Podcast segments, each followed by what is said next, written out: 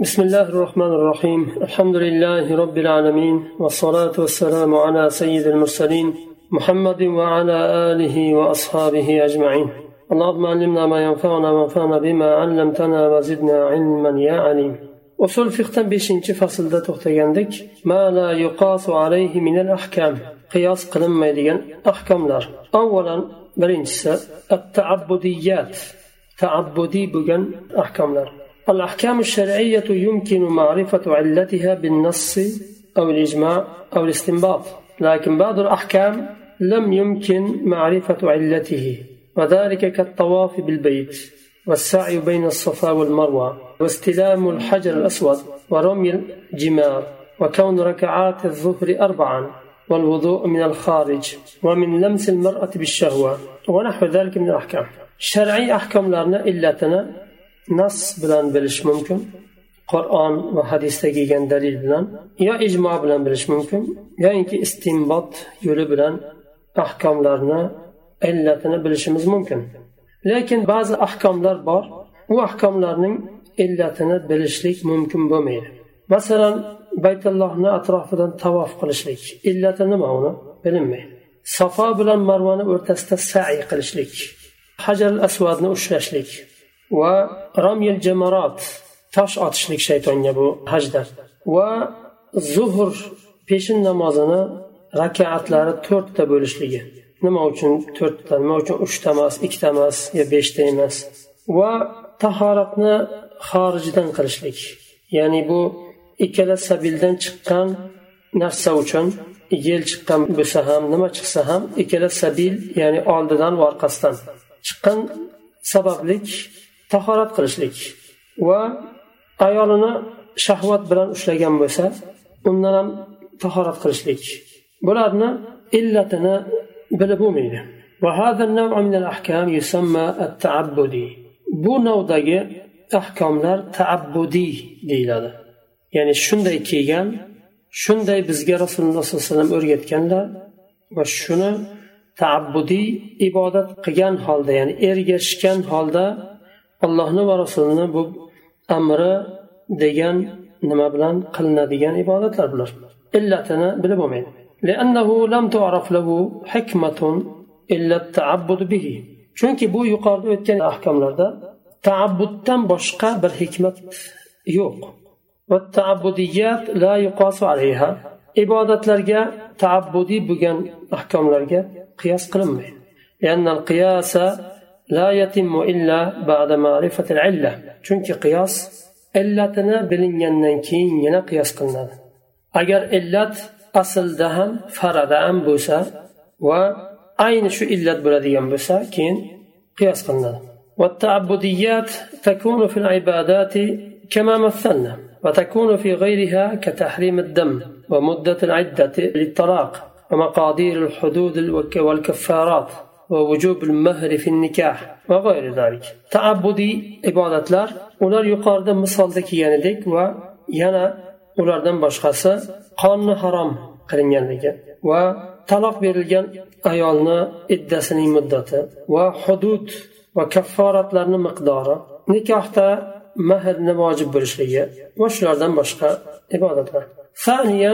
المعلل بالعلة القاصرة قاصر علة بلان تعليل قلنيا بساير وهي العلة التي لا توجد في غير محلها. وقند علة القاصرة نما وشأورندن بشق ورندا تقل مثاله أن النبي صلى الله عليه وسلم جعل شهادة خزيمة بن ثابت بشهادة رجلين حتى كان يسمى ذا الشهادتين. وعلته أنه أول من تنبه وبادر إلى تصديق النبي صلى الله عليه وسلم في تلك الحادثة. والشهادة له بموجب التصديق العام له صلى الله عليه وسلم والأولوية معنى لا يتكرر فاختص به وليس ذلك تعبديا لكون علته معلومة. من مثال علة القاصرة رسول الله صلى الله عليه وسلم خزيمة بن ثابت shahodatini ikki kishini shahodatiga teng shuning uchun u kishini va shahadatayn ikki shahodatli kishi deb nomladilar. Buni illati nima? U kishi rasululloh sollallohu alayhi vasallamni tasdiq qilishga shoshildilar. Kim guvoh bo'ladi deb so'raganlarida u kishi ko'rmagan bo'lsalar ham men guvoh bo'laman deb turdilar. Ko'rmadingizu da allohni rasuli bo'lgandan keyin olloh bizga ishonib dinini omonatini topshirib yuborilgan rasulga men shahodat bo'laman degan mazmunda u kishi turganlar shuning uchun rasululloh sollallohu alayhi vasallam u kishini shahodatlarini ikki kishini shahodatiga teng qilganlar. Bunda avlaviyat bor lekin bu avlaviyat takrorlanmaydigan avlaviyat shuning uchun u kishini o'zlariga xos bo'ldi. Bu avlaviyatni rasululloh sollallohu alayhi vasallam berdilar uchun buni takrorlanadigan bir narsa bo'lmaganligi uchun bu u kishiga xos bo'ldi va bu taabbudiy ham bir narsa emas chunki illati buni ma'lum illati ma'lum u kishiga xos bo'lib qolgani uchun bu illatil qasira deymiz ثالثا الخصائص كخصائص النبي صلى الله عليه وسلم ومنها إباحة زواجه بأكثر من أربع نسوة وتحريم نكاح من لم تهاجر معه من نساء قومه ووجوب تخيير نسائه وتحريم الكتابة والشعر عليه عند من قال بذلك uchinchisi rasululloh sollallohu alayhi vasallamning xususiyatlari u kishiga xos bo'lgan narsalar masalan to'rttagacha uylanishlik musulmonlarga izn berilgan bo'lsa rasululloh sollallohu alayhi vasallamga to'rttadan ortiq izn berilgan bu u kishiga xos qiyos qilinmaydi bir kishi uylanib turib beshinchi oltinchisiga rasulullohga qiyos deyolmaydi. Va u kishi bilan birga hijrat qilmagan ayollardan o'ylanmasliklari. Qaysi nasabdan bo'lsa ham qaysi qavmdan bo'lsa ham u kishi bilan birga hijrat qilmagan ayollardan o'ylamasliklari bu ham u kishiga xos.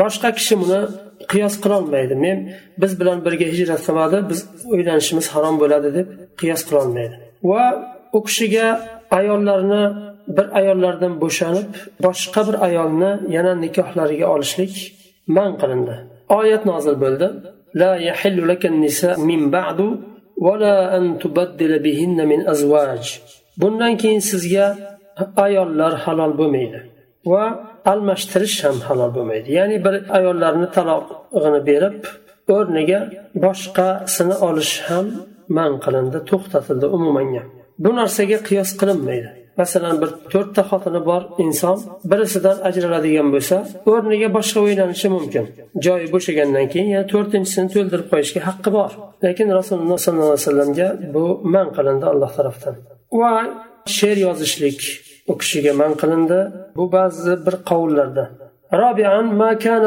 موجودا أو واقعا على عهد النبي صلى الله عليه وسلم فلم يحكم فيه ومثاله أن الخضر كانت موجودة على عهد النبي صلى الله عليه وسلم فلم يأخذ منها الزكاة فلا يجوز أخذ الزكاة منها قياسا على البر أو الشعير أو التمر أو غيرها بجامع الطعم أو الكيل أو الوزن أو أي علة أخرى. To'rtinchisi rasululloh sollallohu alayhi vasallamning zamonlarida mavjud bo'lib hukm qilinmagan narsalar.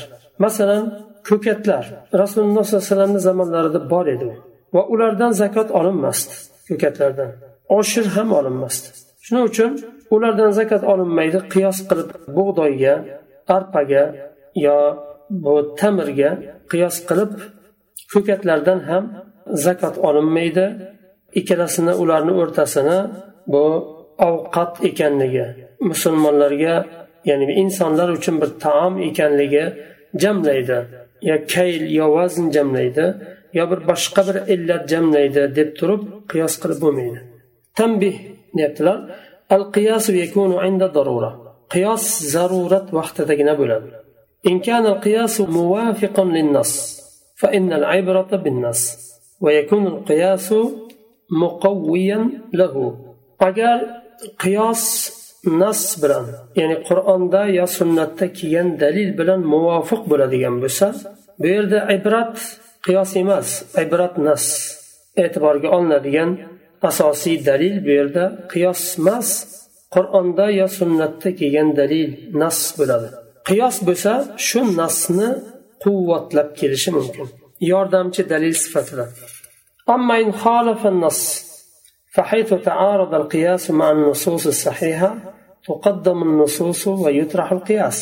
أجر قياس نفسك مخالف بلدي بس عند هالدا قياسنا قالدرب نصنا تقديم قلنا مقدم قلنا أجر صحيح نص بلان to'qnashadigan bo'lsa qarama qarshi keladigan bo'lsa qiyos qiyosni tark qilinadida nasni olinadi va وإن لم يكن في المسألة va ووقعت المسألة وكان لا بد من الجواب فيها جاز للمجتهد أن يقول بالقياس والله أعلم أجر مسألة نص بمسا وشو مسألة واقع بولد صادر بولد وأنا جواب لازم unday holatda mushtahid qiyos bilan bu masalani ustida ijtihod qiladi va qiyos bilan hukmini chiqaradi vallohu alam عند الفصل السادس ألتنج فصل القياس الجلي والقياس الخفي.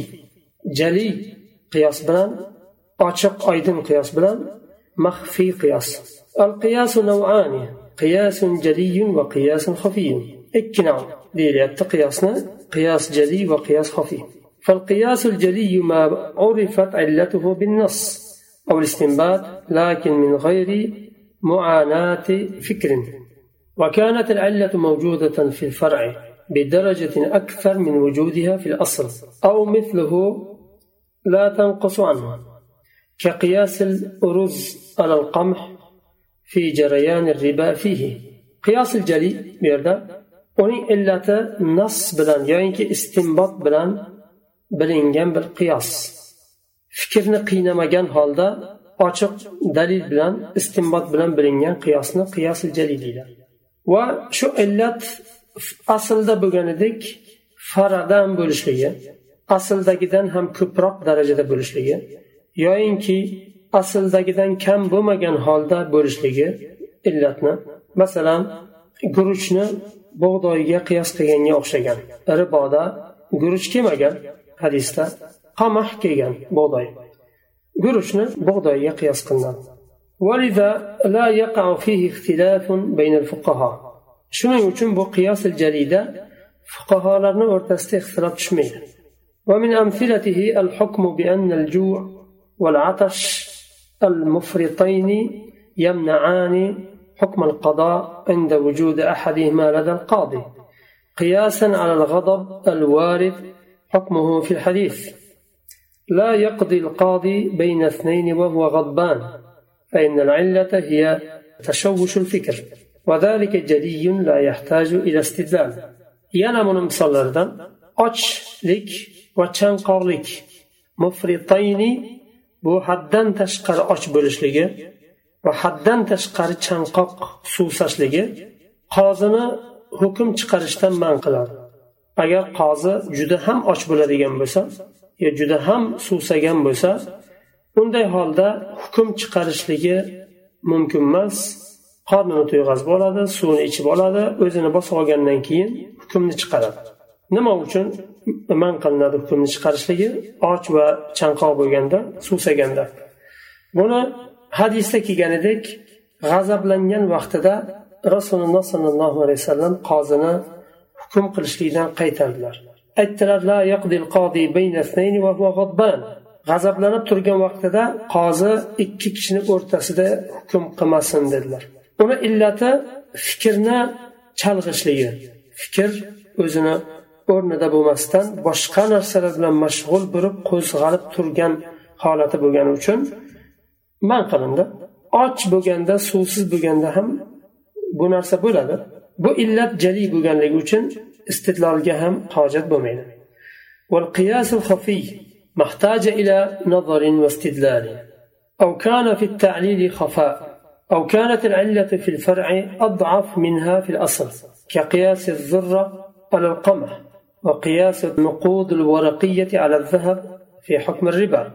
القياس الخفي نظرga va istidlolga muhtoj bo'lgan qiyosni qiyos xafiy deyiladi yoyinki illatida maxfiylik bor illati tez bilinmaydi yoyinki uncha muncha kishi illatini bilolmaydi. Yoyinki faradagi illat asldagi illatdan ko'ra anchagina zaif.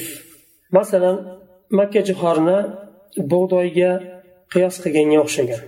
Yoyinki qog'ozdan qilingan pullarni ribo hukmida oltinga qiyos qilishlikka o'xshagan. Bularni illati nazarga muhtoj. Nazar degani izlanishlik ko'proq izlanib chuqurroq qarashlikni nazar deyiladi.